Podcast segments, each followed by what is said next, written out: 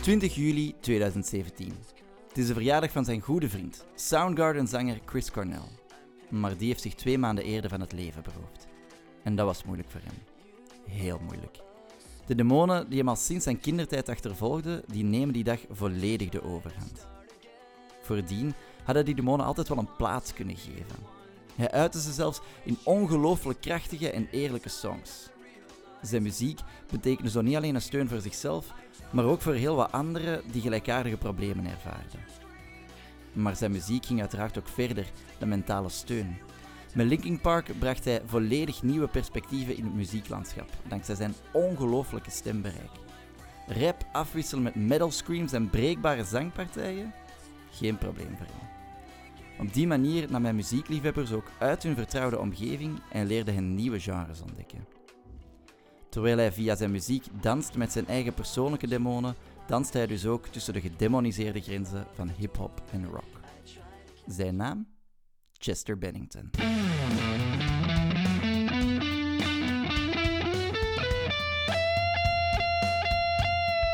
Liever snel naar de hel met Seppe en Sander. Welkom bij de nieuwste aflevering van Liever snel naar de hel. En wij zijn nog steeds Seppe en Sander. Goeiedag. En wij bespreken ook nog steeds legendarische muzikanten die op jonge leeftijd het tijdelijke voor het eeuwige hebben ingeruild. Ja, En toch een hele mooie muzikale erfenis nalieten. ja voilà, we gaan voor de erfenis. Ja, voilà. En eh, we hebben nu eigenlijk al een tijdje zowat... eh allee, of we hebben de afgelopen twee afleveringen hebben hip-hop artiesten besproken, rap. En ik heb nu een heel mooi... Of we hebben nu een hele mooie overgang terug naar de rock gevonden. Een artiest die dat zo heel mooi zo zit tussen hip-hop en rock. En dat is natuurlijk niemand minder dan Linkin Park. En dus vandaag gaan we de frontman van Linkin Park, of toch één van de twee frontmannen van Linkin Park, bespreken. De frontman die op relatief jonge leeftijd gestorven is. Dat is de oudste tot nu toe die we Dus- hebben. Hè? Ja, dat is waar. 41 jaar is hij geworden uiteindelijk. En dan hebben we het natuurlijk over Chester Bennington. Chester Bennington. En zoals alle afleveringen beginnen wij heel graag bij het gaatje waar hij is uitgekomen. Ja, het begin. Het begin, voilà. Eh, dus Chester Bennington wordt ook, zoals alle andere mensen, geboren. Eh, die wordt op eh, 20 maart 1976 geboren in Arizona, Phoenix. En ja, hij, hij wordt geboren in, in, in een gezin waar dat de vader politieagent is. Eh, hij, de vader houdt zich bezig met het bestrijden van kindermishandeling. Ja.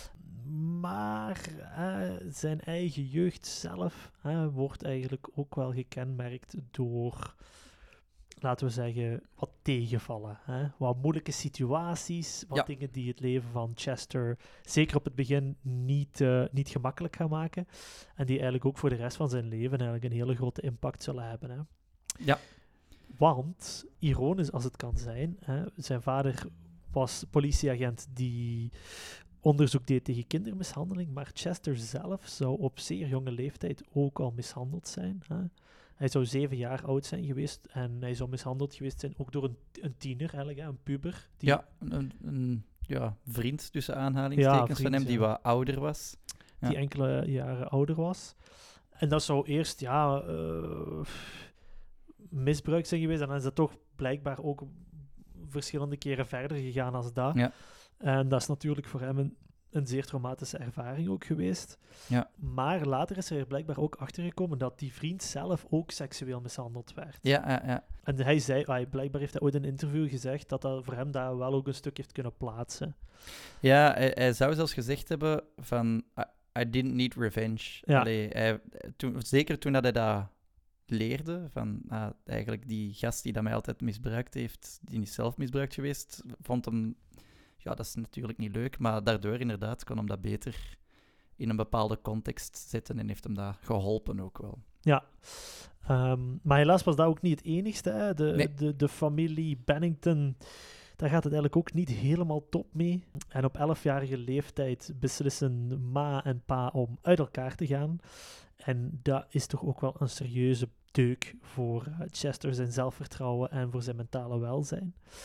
Eh, komt daar ook nog eens bovenop dat hij niet de meest tussen aanhalingstekens normaal uitziende jongen is op school. Ja. Wat er natuurlijk voor zorgt dat je ehm, op het middelbaar nogal een gemakkelijk doelwit wordt voor pesterijen en, en, en ja, eh, bullying van, van alle kanten. Dus allee, hij had het niet gemakkelijk, hè.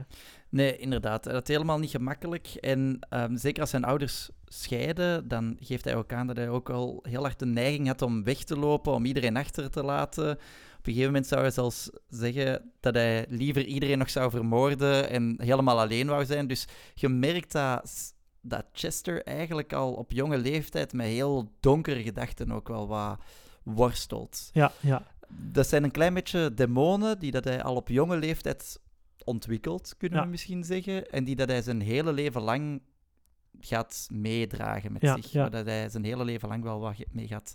En, en hij zal eigenlijk ook op heel jonge leeftijd beginnen met drugs, hè. Ja, En, ja. allee, het gaat dan niet over marihuana. Blijkbaar zou hij op 13-jarige leeftijd ook al LSD hebben gedaan, Ja, coke, eh, methamphetamines. Dus eh, hij ging ook wel echt op zoek naar die vlucht van, van de realiteit om eigenlijk ja, zijn op dat moment een beetje treurige bestaan te ontlopen. ja. Hij- Maar gelukkig vindt hij die niet alleen in drugs. Hè? Nee, hij vindt die Ehm, gelukkig ook over... Ja, waarover hebben we het? Hè? Ja. Dit is geen podcast over drugs, zoals velen van jullie misschien nu ondertussen wel zouden denken. Het gaat hier over muziek. Yes. Ja, inderdaad. Want hij, hij vindt wel degelijk ook zijn ja, een soort van voldoening eh, in het schrijven van poëzie, in tekenen. Eh, misschien dat hij daar ook wel wat donkerder eh, dingen soms ook wel wat tekende. Ik Ja. stel me dat dan zo voor als hij zo tekent, dat dat zo een van die, zo van die eh, horrorkindjes is, die dat dan opeens zo van die zwarte mannetjes tekenen met zo heel veel bloed aan en zo. Goed, dat geheel terzijde. eh, dat was iets dat we in ieder geval vonden, dat hij veel tekende. Maar hij, hij schrijft muziek, hij, hij schrijft daardoor ook wel wat poëzie en daardoor komt hem ook wel wat meer in, die, in de muziek natuurlijk ook terecht. Ja. En hij gaat dan ook naar heel veel muziek luisteren. En een belangrijke muzikale invloed die Chester ondervindt is enerzijds Depeche Mode en anderzijds Stone Temple Pilots. Ehm, hij gaat in latere interviews ook altijd aanhalen dat hij als kind al droomde om bij Stone Temple Pilots te spelen. En dat gaat hij op een gegeven moment ook wel waarmaken. Ja, Maar misschien om even te duiden waar dat de muzikale achtergrond van Chester komt, is iets van Stone Temple Pilots ook even te laten ja let's go. Ik stel voor dat we naar Plush luisteren. Dan luisteren we naar Push, hè. Dus, eh, Niks te zeggen.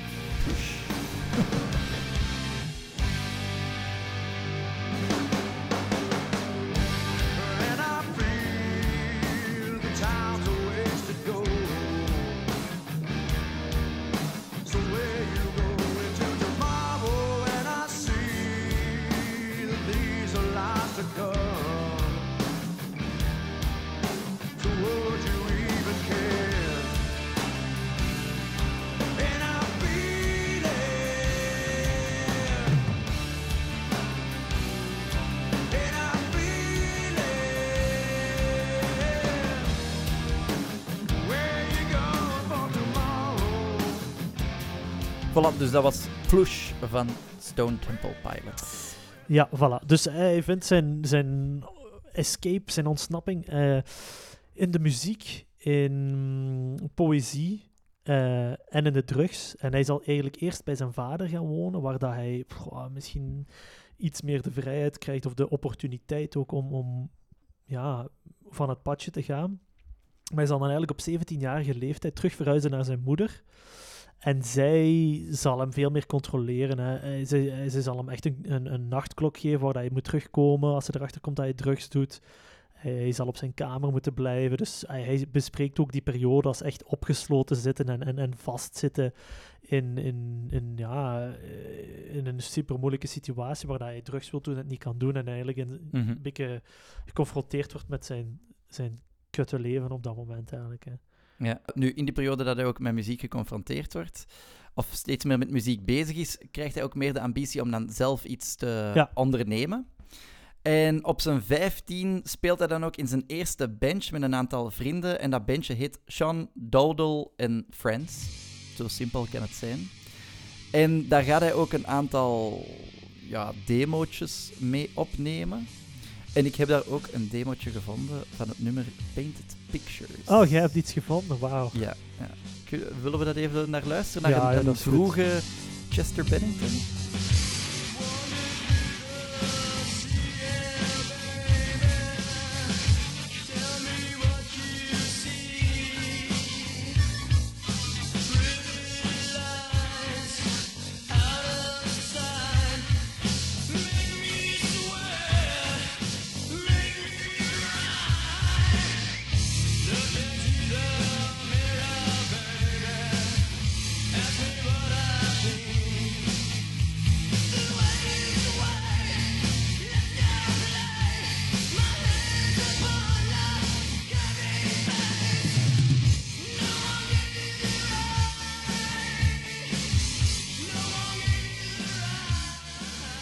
Ja. Voilà, dus dat is de eerste muzikale verwezenlijking Ja. van onze Chester Bennington. En je ziet ook echt dat het een, eh, 90s grunge liedje is. Ja, ja, ja. Dat is ook in de periode dat hij eh, de haarstijl heel hard overneemt van Zack de la Rocca, van eh, onze vrienden van... eh, Rage Against the Machine. Against the Machine, maar ik kon de naam even niet onthouden. Ja. Ja. Ja, maar ze zullen daarna dan eigenlijk... Oh, want ja, dat is een bandje op 15-jarige leeftijd. Ja. Dat springt af. Voilà, dat is, dat is een beetje... eh, ik denk dat vooral alles er rond was wat misschien belangrijk was. Ja. Eh, maar hij zal daarna eigenlijk ook met een, een eigenlijk, ja, de, de frontman, eigenlijk, hè, die, die Dowell, eh, daar zal hem eigenlijk ook de band Grey Days mee op, oprichten. En Ja. dat is al iets serieuzer en daar hebben ze ook iets meer ambitie ook al, hè, om, Ja. om, om echt bekend te worden. En ze gaan daar eigenlijk ook een, een demo en twee albums voor opnemen. Ja. Heb je daar ook een, een, een, een liedje van gevonden? Ja, ik heb daar nog een liedje van gevonden, want die opnames zijn heel goed bewaard gebleven van In de diepvries. Chester Bennington. Ja, dus eh, diep gevroren.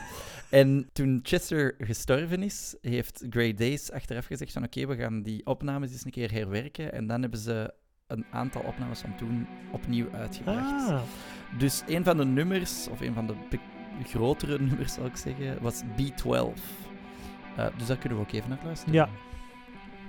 Dit is dus een opname die dat verschenen is nadat Chester Bennington gestorven was. Dus vandaar dat de kwaliteit ook al wel wat, wat beter is, want het is dus allemaal heropgenomen. Bomb, something's wrong. DEA sent to Guam. Acid trips, big fat checks, Purple Flintstone bottom mans. All the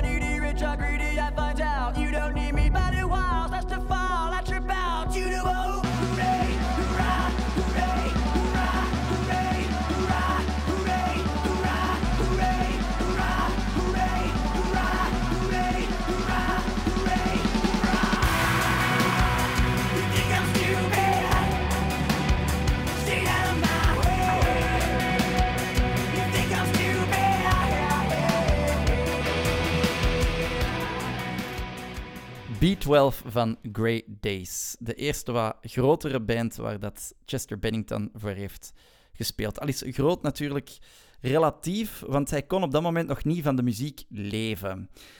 Dus wat doe je dan als je niet van je muziek kunt leven? Dan heb je nog natuurlijk een andere job nodig. En die vond Chester Bennington nergens anders dan bij Burger King. Jawel, Chester Bennington heeft Whoppers zitten bakken, dubbele Whoppers. Die heeft daar met een petje van alles nog zitten serveren, of met een kroontje nog van alles eh, zitten serveren. Eh, en hij heeft er zelfs zijn eerste vrouw gevonden. ja, Ja, dat heeft hij daar ook nog gevonden. Dat is, dat is even voilà, terzijde, terloops. Ja. Ehm, maar ja, dus ja, Chester Bennington, Great Days, moet ook nog eens in de Burger King werken.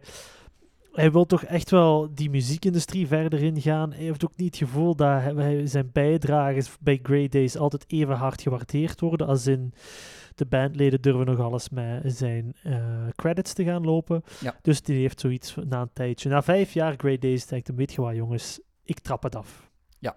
En hij gaat eigenlijk op zoek naar ja, een, een nieuwe band. En op dat moment is er eigenlijk een andere band, Xero, die, ehm, ja, die bezig zijn met eigenlijk een nieuwe zanger te zoeken ook. En die band Xero, die zijn al iets meer gevestigd ook wel. Hè. Die, die, zijn al, die hebben wat banden al met de muziekindustrie. Die hebben connecties. En Chester zal eigenlijk bij Xero een auditie mogen gaan doen. Ja. En dat is een zeer positieve auditie. Hè. De, de, de bandleden zijn blij, Chester is blij. En zo ehm, is eigenlijk Linkin Park geboren. Mhm. Allee, dat is eigenlijk de, de bezetting van Linkin Park. Nu, Xero zal dan eigenlijk beginnen te werken aan een EP. Ze zullen dan hun naam veranderen, eigenlijk ook naar Hybrid Theory. En het hele ding van Xero, samen eigenlijk ook met Chester Bennington, was eigenlijk de, de mix van verschillende muziekstijlen. Ja. En nota bene dan eigenlijk eh, metal en hip-hop. Eh, je hebt eigenlijk Mike Tsunoda, die eigenlijk, laten we zeggen, het andere, de andere helft van het brein was. Die zeer rap, hip-hop eh, georiënteerd was en heel veel van die invloeden meepakte. En dan Chester Bennington, die van de grunge ook komt, Ja. van, van, van de meer zwaardere metalmuziek ook. En ja, die twee gaan dat eigenlijk mengen. Dus Hybrid Theory, maar ze zullen een EP uitbrengen, maar dat zal onder de naam Linkin Park eigenlijk. Hè. Mhm. Want blijkbaar is er een, was er een band die Hybrid al heette en dat zou te veel voor verwarring zorgen. Ja. What are the chances? Ja, Zou dan echt. denken, dat is nu toch niet de meest Nee, echt. voor de hand liggende naam, denk ik dan. maar het, past natuurlijk wel, hè, want hybride, verschillende stijlen. dat is waar. En op die eerste EP gaat je eigenlijk een nummer, ehm, staat In The End, wat we allemaal kennen, maar er staat ook een nummer Step Up.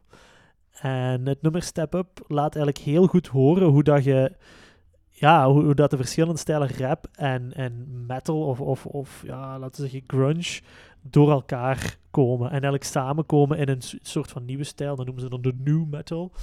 Mhm. Ehm, dus ik stel voor dat we daar eh, ja, naar een van de eerste echte singles van, van Linkin Park slash Hybrid Theory gaan luisteren. Dat lijkt me goed. Dus dat is dan het nummer Step Up. Step Up. Oké. Niet te verwarren met de film natuurlijk. Hè. Watch as the room rocks, mentally moonwalk, mixed media slang, banging in your boombox, verbal violence, lyrical stylist. In a time when rock hip hop rhymes are childish, you can't tempt me with rhymes that are empty. Rapping to a beat doesn't make you an MC. With your lack of skill and facility, you're killing me. And a DJ in the group just for credibility.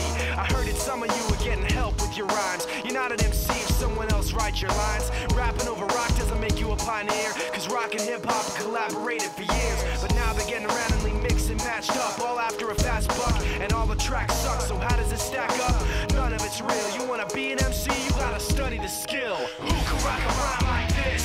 Bring it to you every time like this. Who can rock a rhyme like this?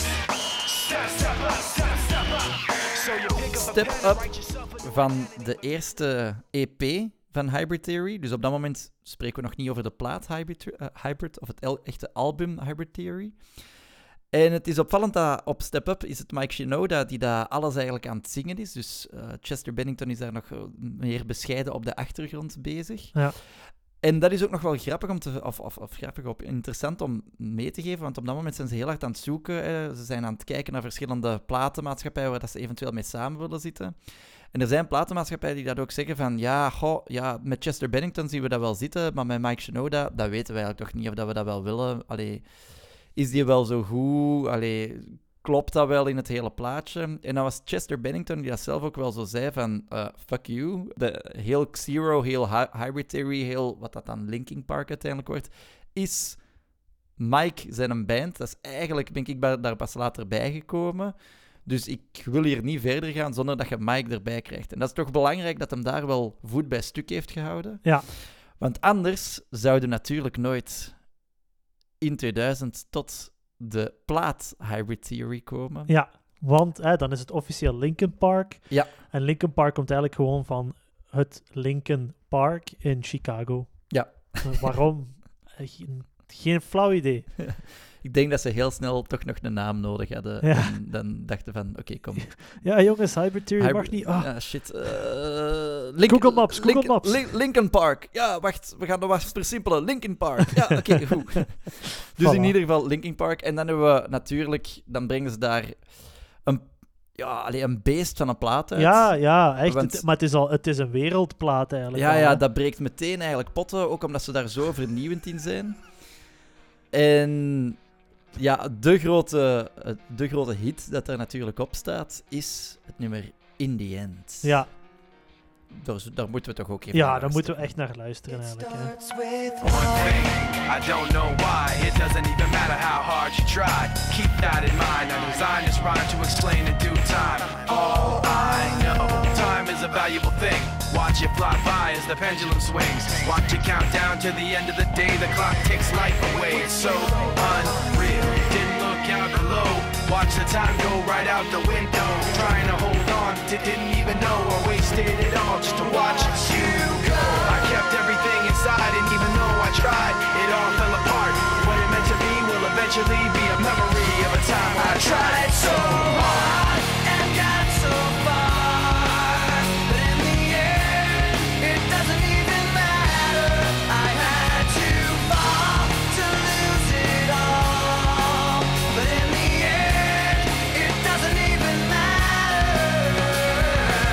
In end. Ja, maar hebben ze echt wel een enorme hit te pakken. En het duurt dan ook niet lang. En ze gaan daarmee op tour.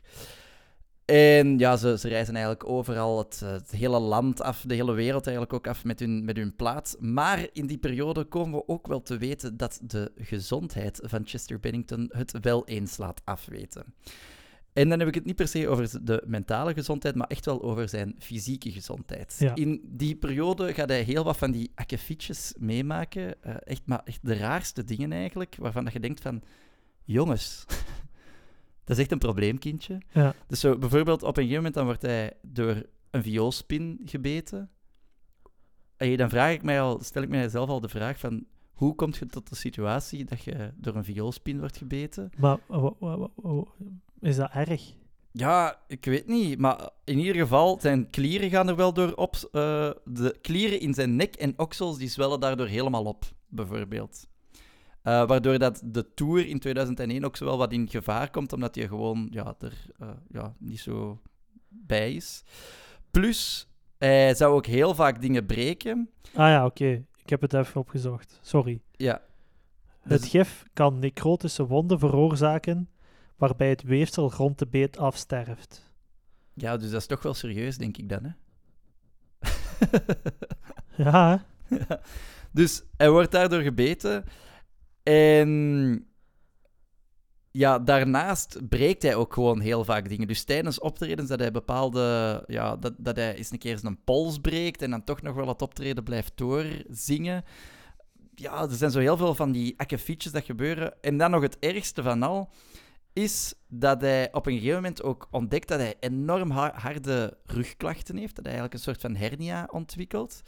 En die hernia, dat zou ermee mee te maken hebben door de manier waarop dat hij zijn stem gebruikt. Hè. Omdat hij, en dat merken we ook al bij Hybrid Theory, maar dat hij enorm hard... Hij kan heel breekbaar zingen, ja. maar dan weer opeens super hard schreeuwen. En dat gaat hij zeker ook verder blijven doen op het moment dat het tweede album eraan komt. En dat is het album Meteora. Ja. Waar staat onder andere een nummer als Faint op. ja. En daarbij is het schreeuwen wel heel duidelijk te horen.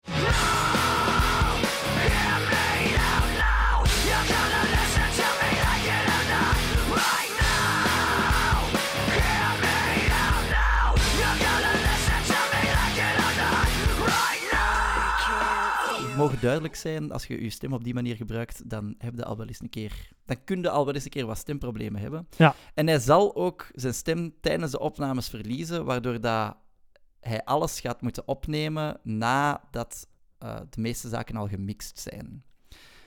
Maar goed, Meteora die komt er uiteindelijk dan ook in 2002 of 2003 ongeveer. En dat, ook dat is eigenlijk een enorm succes. Ja, het volgt eigenlijk echt Hybrid The- Theory heel mooi op. Het ligt ook even in dezelfde lijn. Hè. Het is niet dat ze 180 graden gaan omdraaien om iets volledig anders te doen. Ze, ze teren ook wel echt op het succes Ja, ja, van die eerste plaat. De nummers zijn gelijkaardig. Ehm ah, je hebt het net al gezegd, een nummer zoals Faint. En, en ook hier gaat, gaat Chester Bennington op sommige momenten zeer vreel, zeer rustig, zeer kalm zelfs zingen. Ja, Om dan eigenlijk echt ja, te, te ontploffen en ja, te beginnen screamen zelfs bekan. Hè. ja, ja. ja. Uh, een, een zeer, zeer, zeer bekend nummer van die plaat is het nummer Numb. Ja. Ehm, wat later eigenlijk ook door Linkin Park in collaboratie met Jay-Z gebruikt zal worden. Ja. Want Linkin Park wou eigenlijk ook wel een beetje de voordrager van zijn genre zijn. Hè. Ze, Ja. hij- ze, ze wilden die eh, collaboratie tussen rap en, en rock of metal eigenlijk toch wel samenbrengen. En dan gaan ze eigenlijk het de Project Revolution oprichten om Ja. eigenlijk collaboraties tussen rockartiesten en rapartiesten gemakkelijker te maken. Ja. En zij zelf gaan dat eigenlijk ook doen met hun nummer Nump. Ehm, en dan gaan ze eigenlijk met Jay-Z samen in de studio het n- een liedje Nump Encore, wat dan eigenlijk een liedje van Jay-Z is, opnemen, om dat eigenlijk ja, een soort van ja, Linkin Park-style liedje van te maken eigenlijk. Ja, hè. ja, ja, ja. Daar kunnen we misschien eens even naar luisteren. Ja, want het, was een, het is een zeer populair nummer geweest in de Verenigde Staten. Ja. En het heeft zelfs een Grammy gewonnen. Voilà, dan, dan moeten we er wel even naar Ja. luisteren natuurlijk. Oké, okay. Nump Encore. Can I get an encore? Do you want more? Cook and roll with the Brooklyn boys. So for one last time, I need y'all to roll. Uh, uh, uh, yeah. Now what the hell are you waiting for? After me, there should be no more. So for one last time, make some noise. Get him, Jay. Who you know fresher than whole? Riddle me that. Rest of y'all know where I'm lyrically at. Can none of y'all mirror me back? Yeah, hear me rap, it's like hand G rapping his prime. I'm young H.O., raps Grateful Dead. Back to take over the globe, now break bread. I'm in Boeing Jets, Global Express. Out the country, but the blueberries still connect. On the low, but the yacht got a triple deck. But when you young, what you expect? Yep, yep. Grand opening, grand closing. Damn your manhole, crack the Zo. Nump Encore, dat is dan ook Project Revolution. En zoals je al zei, dat is dan een, een manier van Linkin Park om die, eh, om die hip-hop-artiesten en die rockartiesten eigenlijk ook wel wat samen te krijgen. Dat is een tour waarbij dat ze die constant uitnodigen om mee te doen. Dus Jay-Z doet daarmee mee, Snoop Dogg doet daarmee mee en Busta Rhymes. Maar langs de andere kant dan ook rockartiesten. En een belangrijke rockartiest die dat we daar toch even bij moeten vermelden is Chris Cornell. Ja, Soundgarden Ja, eigenlijk. hè. Soundgarden inderdaad. Maar Chris Cornell, die, doordat hij met Linkin Park meegaat, leert hij Chester Bennington ook steeds beter kennen. En die twee ontdekken dat ze wel heel wat met elkaar gemeen hebben. Uiteraard de passie voor muziek, de passie voor die grunge natuurlijk wel, die dat Chester toch in zijn kinderhartje nog heel hard koestert. Maar ze merken ook wel dat ze zo wat met gelijkaardige demonen ook wel wat struggelen. En daardoor vinden ze ook wel bij elkaar heel snel een soort van, ja, een, een schouder om op te huilen, zal ik zeggen. Hè? Eh, en ontstaat er eigenlijk een hele mooie vriendschap, waardoor dat ook Chris Cornell op een gegeven moment de Peter zal worden van een van de kinderen Ja. van Chester. Wat ook wel belangrijk is om te zeggen, hè, want we hebben het daarnet al gezegd, en we zouden liever snel naar de hel niet zijn als we toch niet even terugrefereren naar drugs. Ja. Eh, je moet weten dat tijdens deze hele periode ehm, Chester Bennington een zware drugs- en alcoholverslaving had. Ja. Hij was verslaafd aan amfetamine, aan coke en aan alcohol. Ja. En dat zorgt er ook voor dat hij inderdaad tijdens bepaalde optredens niet altijd even betrouwbaar zou zijn. Nee, klopt inderdaad. Dat is zeker zo rond 2005. Ja. Dat is in de periode dat hij ook gaat scheiden van zijn vrouw, Samantha, die, de vrouw die dat hij leerde kennen bij, bij de Burger King. Ja. En hij verliest op dat moment ook de voogdij van zijn zoon. Dus dat zijn zaken die dat eigenlijk allemaal heel hard wel aan hem gaan kleven. Er komt ook een hele, dat wordt een hele nasty echtscheiding, waar dat hij ook heel veel geld aan verliest. En hij zou rond die periode zelfs even in een klein appartementje hebben gewoond zonder een bankstel. Ja. Dat heeft natuurlijk enerzijds met die scheiding te maken, maar heeft natuurlijk dan ook te maken met het feit dat hij dan steeds meer aan het investeren is in allerlei soorten drugs. Dus ja, goed, het, Investeren. het ene, eh, het een houdt het ander natuurlijk al in de hand.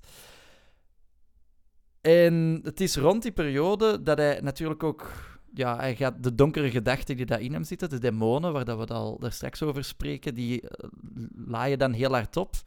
En het is rond die periode dat hij dan ook een andere band gaat stichten, naast Linkin Park. En die krijgt dan ook de zeer vrolijke titel Dead by Sunrise.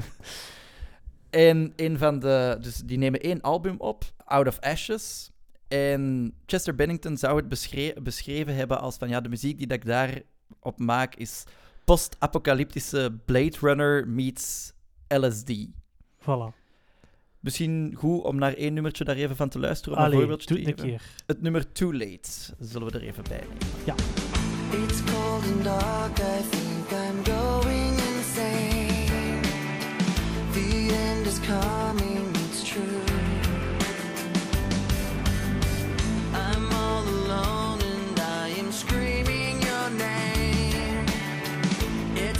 that's all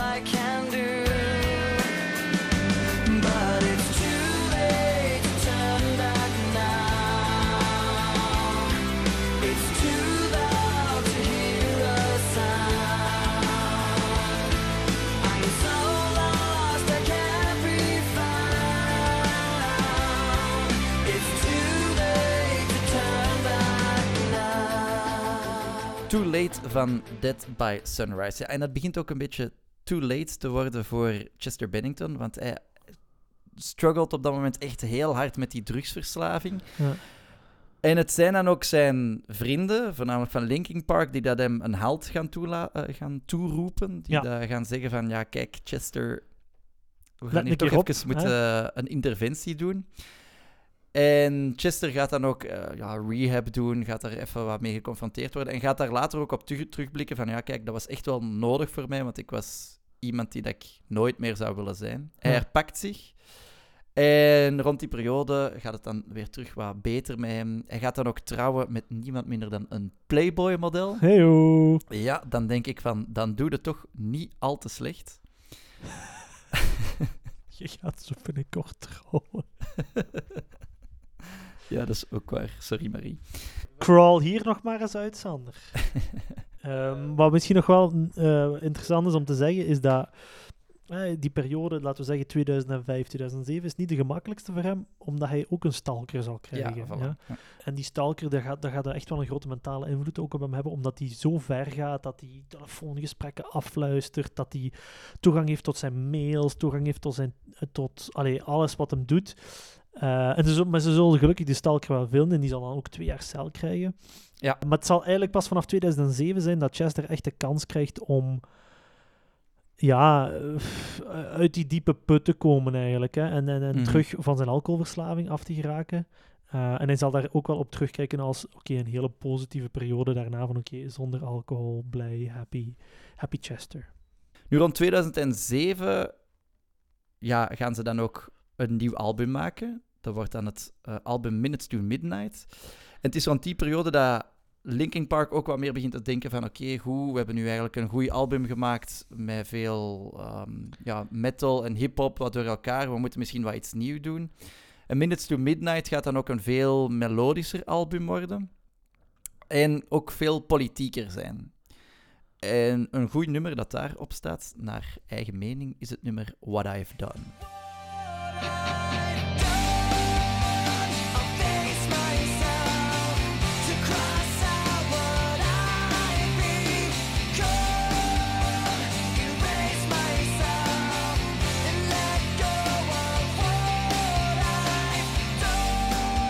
Ja, want dat is misschien nog wel belangrijk om te zeggen ook. Ze gaan eigenlijk het, het new metal genre, wat ze eigenlijk tot dan eigenlijk echt hebben liggen promoten, gaan ze zelf een beetje verlaten ook. Hè? Ja.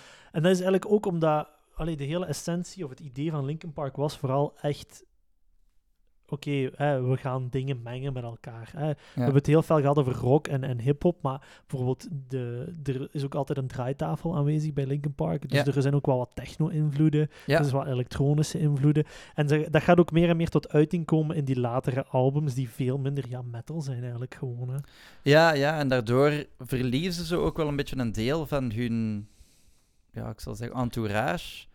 Die dat hen eh, wat verraders van het, van het genre vinden, omdat, die, da- omdat ze inderdaad meer die poppy kant op gaan. Maar wat bijvoorbeeld grappig is, is dat op een gegeven moment Mike Shinoda tegen Chester Bennington zou hebben gezegd van hey, zullen we anders eens een keer een samenwerking doen met Katy Perry? En Chester Bennington reageert daarop, fuck yeah, let's do that. En Mike Shinoda zei van, dat was helemaal niet mijn plan, maar ik vond dat wel goed hoe dat Chester daarop reageerde, omdat dat effectief wel was wat dat wij wouden doen. Allee, of wat dat al, altijd hebben willen doen met Linkin Park, onszelf wel blijven vernieuwen en altijd wel zoeken naar nieuwe, ja, naar, naar nieuwe manieren van muziek maken.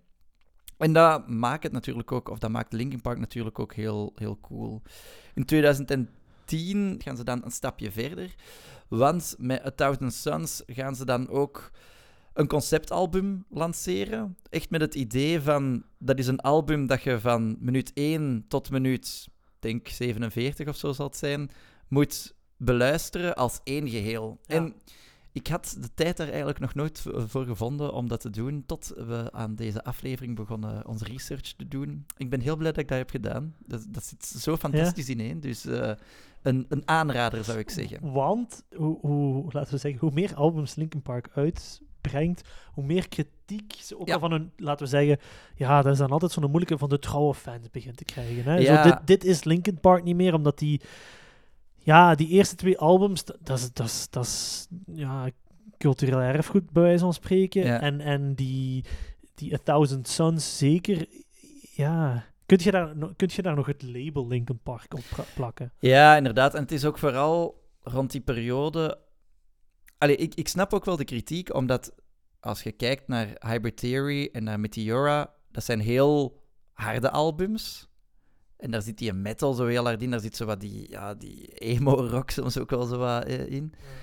En terwijl dat, eh, een, een album als The Thousand Suns is veel toegankelijker ook wel, is veel commerciëler.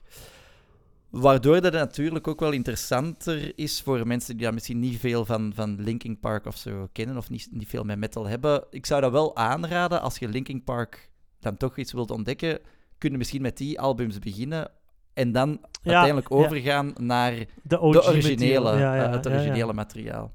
Maar ik eh, versta de fans er dan ook wel in dat eh Linkin Park zijn, ja, zijn, zijn origins wat laat wat voor bekeken houdt. Ja. Nu, ik begrijp de kritiek inderdaad ook wel. Maar het blijft toch ook wel een heel cool album. Allee, er- ze gaan daar heel veel experimenteren. Ze gaan daar op een, op een bepaald nummer zo van die tribal drums mee, mee gebruiken. Dat is ah, super cool om naar te luisteren. Maar ze gebruiken ook reggae-achtige vocals op een gegeven moment. En ze gaan ook in The Catalyst. Dat is dan een nummer waarbij dat ze elektronische rock, rave en techno allemaal in één nummer steken. Dus dat vind ik misschien toch nog wel de moeite om even naar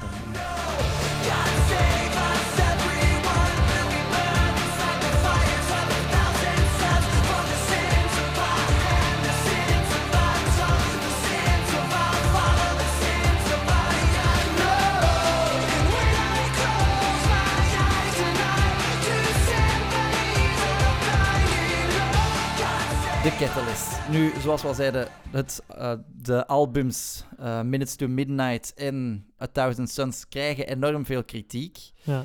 Linkin Park hoort die kritiek natuurlijk wel. Chester Bennington was daar heel gevoelig voor ook trouwens. Die liet Ja. dat echt wel aan zijn hart komen. Ja. En dus besluiten ze om in 2012, als een nieuw album uitbrengen, om dat toch iets harder te maken. En dan krijgen we een album zoals Living Things. Twee jaar later komt dan ook nog The Hunting Party. En daarop horen we weer terug zo wat de schreeuwende, screamende Chester, die dat daar weer de longen uit zijn lijf zingt. Ook trouwens nog heel eh, leuk om te weten, omdat Chester zo hard zong, ja, daarvoor moet hij eigenlijk een zotte fysiek ook wel echt hebben. Ja. En eh, daarom deed hij ook twee keer per dag aan Pilates. Maar geweldig. Ja, die deed eh, Pilates puur om zijn fysiek te kunnen onderhouden. Ja. En dat werkte blijkbaar wel voor hem. Voilà, dus dat wou ik toch maar een klein beetje, dacht ik dan, om eh, toch maar even Maar mee te geweldig. geven. Ja, ik ben er helemaal weg van. Ja, en voor de Pilates-mensen, voilà, dus je weet, eh, er is hier nog een mooie toekomst. eh, Ehm, maar wat ook heel interessant is, is het feit dat hij in die periode ehm, gaat hij eigenlijk ja, zijn kinderdroom kunnen waarmaken. Hè? Hij, hij zal gevraagd worden om frontman te worden van de Stone Temple Pilots. Hè? Dat is eigenlijk de band die hij als heel jong gastje ehm, als inspiratie zag. Eh, daar gaat hij nu de kans krijgen om eigenlijk de frontman van te worden. ja. En hij zal eigenlijk van 2013 tot 2015 ook gaan- optredens gaan doen met Stone Temple Ja. eh, Mountains. En ja, eigenlijk als een volwaardig lid eigenlijk meedraaien. Hè. Willen we daar een stukje van luisteren misschien? Ja, eh, eh, van Chester Bennington, die In de Stone je- Temple Pilots zit? Ja, ja, ja, voilà. Ik heb hier al iets voor mij Ja, ik, ik dacht, ik zag het niet over.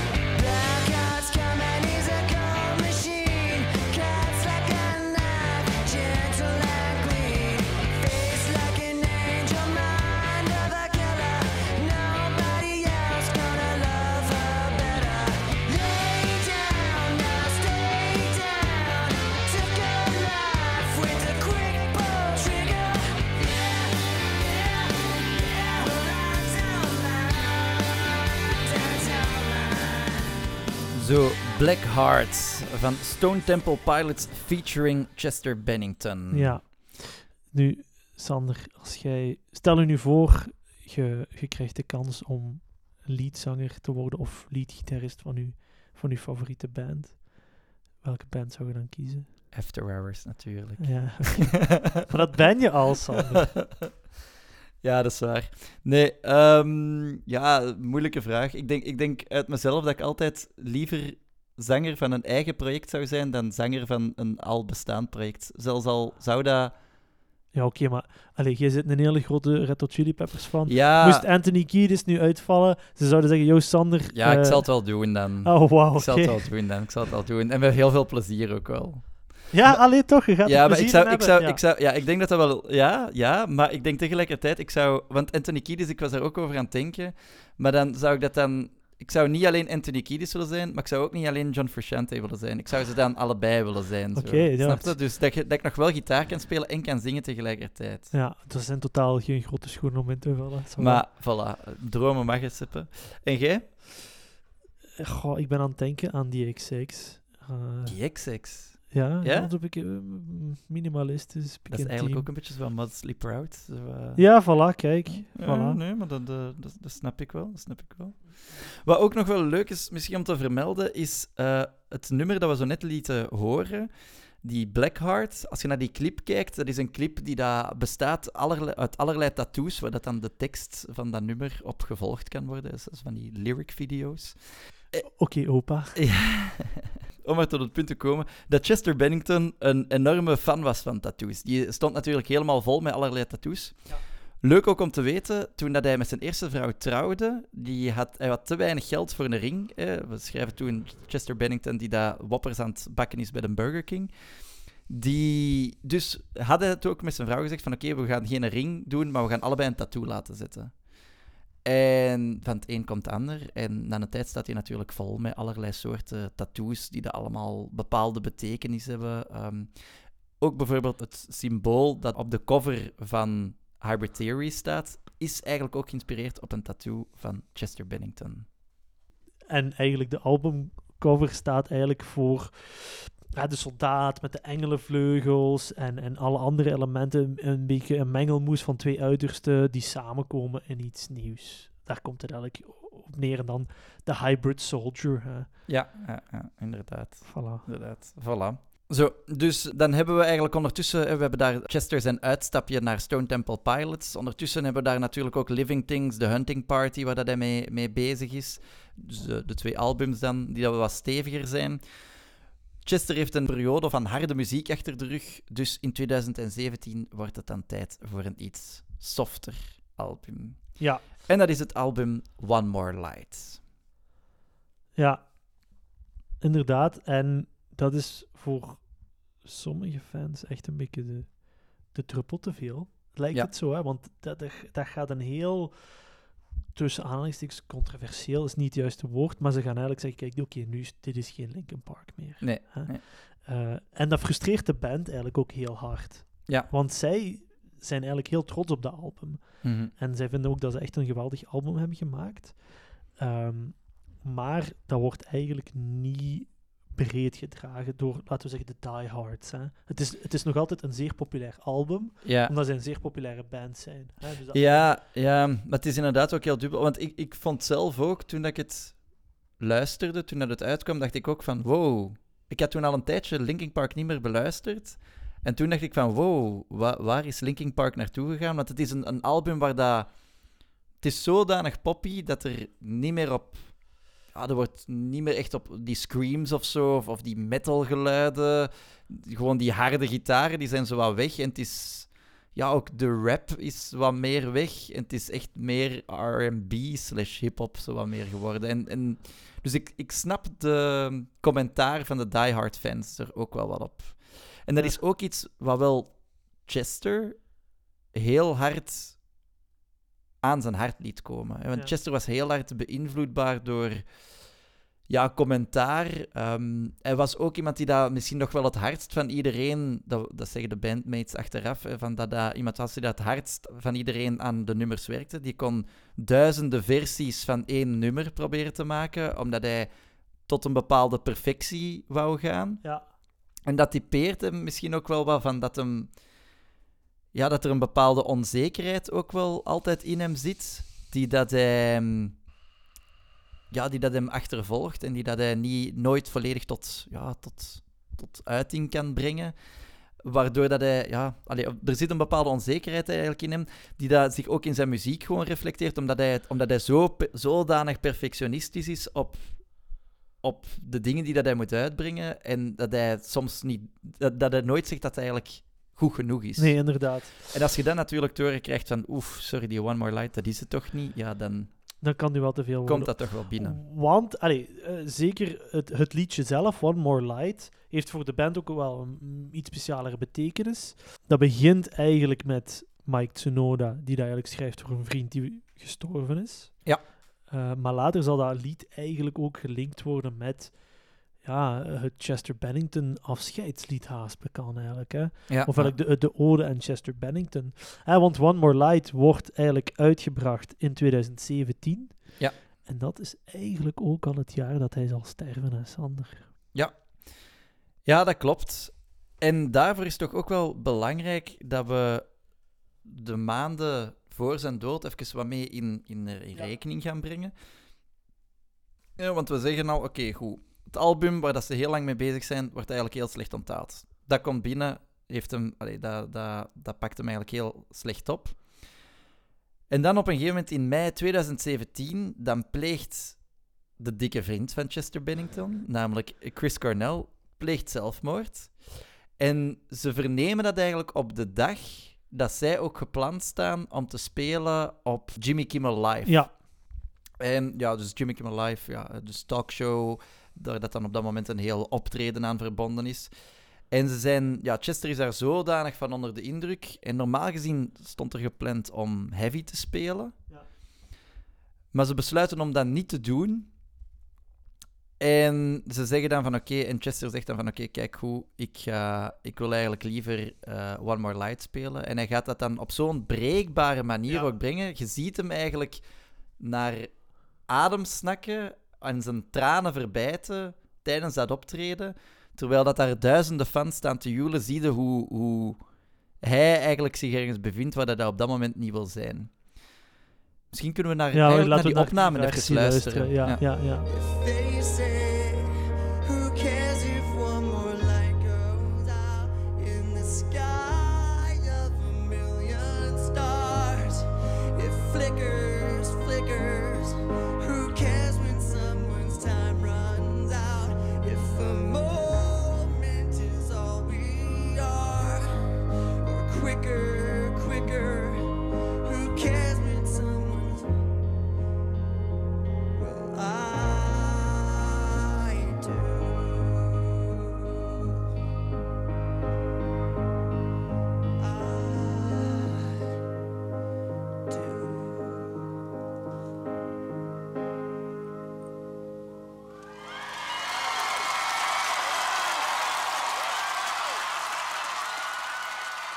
Chester neemt afscheid van Chris Cornell. Er gaat ook, een, gaat ook nog wat gezegd zijn over, over de begrafenis, dat hij daar ook echt helemaal van aangedaan was. Allee, uiteraard ze zijn er wel aangedaan van, van, van een vriend, maar hij gaat daar bijvoorbeeld ook Halleluja. ja, ja, inderdaad. Ik wou net zeggen, je Ja. gaat Halleluja spelen van eh, Leonard Cohen. En eigenlijk vind ik dat je vanaf dan ook wel wat... Dat Chester meer en meer afscheid begint te nemen. Goh, maar ja, dat is een beetje het moeilijke, want er zijn dan, komen dan heel veel... Ja, we leven in 2017 dan, dat wil zeggen...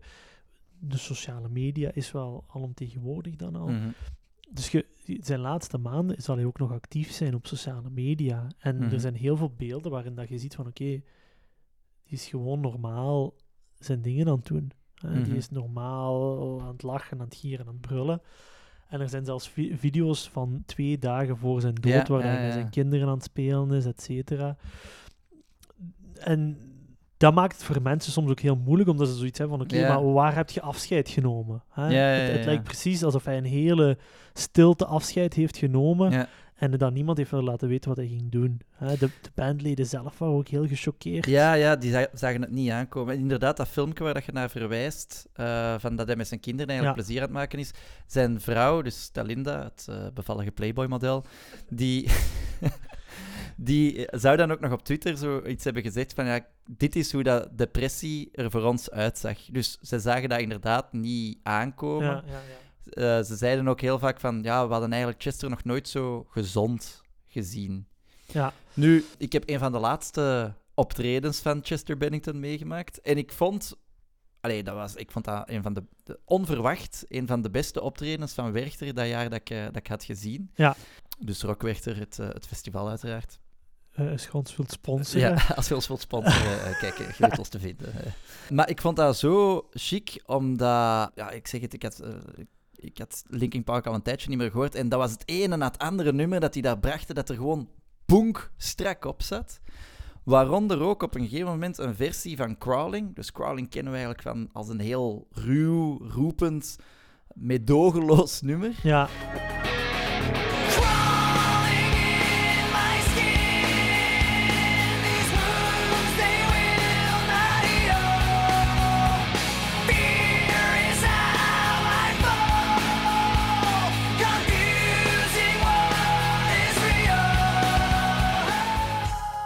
En daar gaat hij op een gegeven moment het publiek in. Ik denk echt dat hij vier nummers bijna het publiek heeft, eh, gewoon in het publiek heeft gezeten. ja. En ze Mike Shinoda speelt gewoon Crawling heel zachtjes op de piano. En met niks anders dan de piano wordt dat nummer gebracht. En er is dan een meisje dat mee aan het zingen was, zo wat, of hoort hij een beetje meezingen door de microfoon met Chester. En dat was zo'n zot moment. Ah, Ik herinner me dat echt nog heel goed, dat dat zo'n moment was dat iedereen zo verbonden was. En dan achteraf, ja, ik weet dat hij heel lang nog zo naar iedereen heeft zitten zwaaien voor, voor afscheid te nemen, wat dat je veel bands niet echt ziet doen. En als je dat achteraf dan allemaal zo wat terug afspeelt, dan denk je van ja, die was gewoon aan het afscheid nemen. ja, ja. Die wist dat dat zijn laatste optredens waren, dus die was aan het zeggen van oké, goed, ik geef hier alles nog. ja. En dan is het gedaan. Ja, dat is, ja, hindsight is dat natuurlijk. Hè. Maar, maar Ja. inderdaad, zeker het, lied, het liedje Crawling, dat dan ineens zo kwetsbaar wordt gespeeld. Als je de lyrics van Crawling ook gaat opzoeken, allee, daar, ja, daar word je zelf haast depressief van. Hè. Dat, dat gaat Ja, echt ja, over ja. die interne strijd die je hebt, die, die, die moeilijkheid om, om het allemaal te kunnen vatten van binnenuit. En net omdat ineens al die zware achtergrondmuziek wegvalt en het gewoon naakte piano is, wordt dat een heel kwetsbaar lied. Hè. Ja, ja, ja. She wants to sing with you. Okay. You all have to sing. Everybody.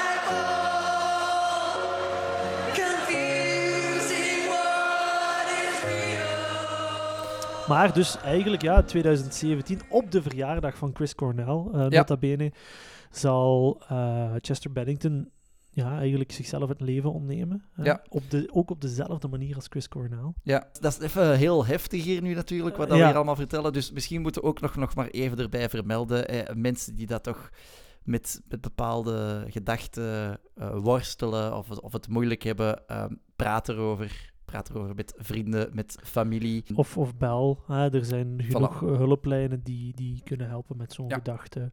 In België is dat 1813. Voilà. Dus voilà. Als je er eens mee zit, spreek erover. Ja, dus ja, hè, zelfdoding en Chester Bennington in 2017, dat wordt heel hard met elkaar gelinkt. En dat zal ook een deel van zijn legacy zijn. Hè. Mensen die opkomen van praten erover, mensen die eh, ehm, hem ook een beetje willen, willen eren door aandacht te geven aan depressie en mentaal welzijn. En dat dat niet per se iets is waar dat verdrietig kijkende mensen hebben, maar ook mensen die gewoon normaal leven leiden. Hè? Ja, ja, ja, en, en de rapper Logic zal eigenlijk een nummer uitbrengen. En het- de titel van het nummer is eigenlijk het nummer van de zelfmoordlijn. En, Ah, ja. en tijdens live optredens eh, heeft hij dat een keer opgedragen ook aan Chester Bennington. Ah ja, oké. Ja. Zo, maar buiten het bespreekbaar maken van zelfdoding gaat de, de legacy van Chester Bennington natuurlijk ook nog veel verder. Ik denk, hij is er samen met Linkin Park in geslaagd om die new metal naar de bovengrond te brengen en om daar echt om daar een groot publiek voor te vinden. Om dat wat uit het, het verdomhoekje te halen van zowat de weirdo's die daar alleen naar, naar, naar metal misschien luisteren, of die dan naar een bepaalde vorm van hip-hop luisteren. En daardoor breekt hij ook met het hele ja, schisma, kunnen we misschien zeggen. Van, je bent ofwel een rockfan, of je bent ofwel een hip-hop fan. Ja. Hij doorbreekt dat en hij zegt van, je kunt perfect allebei zijn. Die twee die kunnen samenwerken en daar kun je eigenlijk zotte muziek mee maken. Ja, ja inderdaad. Dat is zeker ay, voor, ay, voor ons is Linkin Park ook wel echt zo. Ik, we, hebben, we hebben allebei Linkin Park live gezien op Werchter. Yes. Ja. Ik vijf jaar ervoor, denk ik, of vier jaar ervoor. Maar dat zijn ook Opa. wel bands waar dat je zo zegt van, ja, we zijn oude zakken. Versleten. Ik zit hier nu bekend al een uur op de stoel en ik begin al pijn te krijgen aan mijn rug. M- maar dat dat inderdaad ook, ah, die liedjes gelijk, gelijk eh, Crawling, gelijk Faint, dat dat echt liedjes van onze jeugd zijn. ja, ja, klopt. klopt. Eh, een beetje mm, tijds, tijdscapsules. Als je dat opzet, dan voelt je terug die puber. Ja, ja, de, de, de 14-jarige gefrustreerde puber in u komt helemaal terug naar boven. Ja, ja, ja, zeker weten. Zeker. Zeker weten. Ik stel dat we, voordat we afsluiten met nog een laatste, laten we zeggen, echt Linkin Park lied. Hè? Ja. Eh, een, een, een klassieker. Somewhere I Belong stel ik voor. Ja, ik vind dat een mooie om af te sluiten. Ja, Ja, ik vind dat een heel goede keuze, Seppe. Ja, Dat hebben we we- zeker niet op voorhand goed bediscussieerd en eh, er lang over nagedacht wat dat de ideale zou zijn. Maar Somewhere I Belong, echt eh, fantastisch dat je dat zo spontaan zegt. Ja, voilà. Ik hoop dat Chester ook blij is met onze keuze. Eh, Ik hoop het ook. We, we dragen het op aan hem. En ja, ons rest ons alleen nog maar te zeggen: like het op Facebook. Like het op Facebook, Volg, ons, op op Instagram. Instagram. eh, de playlist op Spotify. Ja, zeker de playlist volgen. Eh, laat een leuke comment achter. Ja, ja, ja. Op, op, op Apple Podcasts, zo, daar kunnen ze zo eens een keer een recensietje schrijven, een paar sterretjes geven en zo. En ik zou zeggen, spread the word. Hè. Als je vindt dat dit een toffe podcast is, laat het eens een keer weten aan een vriend Of, familielid Ja, of vriendin. Of uw opa, ja uw oma. voilà. ehm, Oom, tante. Oom, tante. Misschien kun je het samen met uw hond luisteren. Eh, voilà. eh, als je een affaire hebt eh, met uw minnares. Ah. Ah wel, voilà. Ik denk dat dit perfect is als om naar te luisteren samen met de minares. Een perfecte after sex podcast. Oh ja. Ja, ja, ja, dat denk ik nu ook wel. Voilà. En speciaal voor al die aftersexers, Somewhere I Belong. Tot de volgende keer. Dag. You.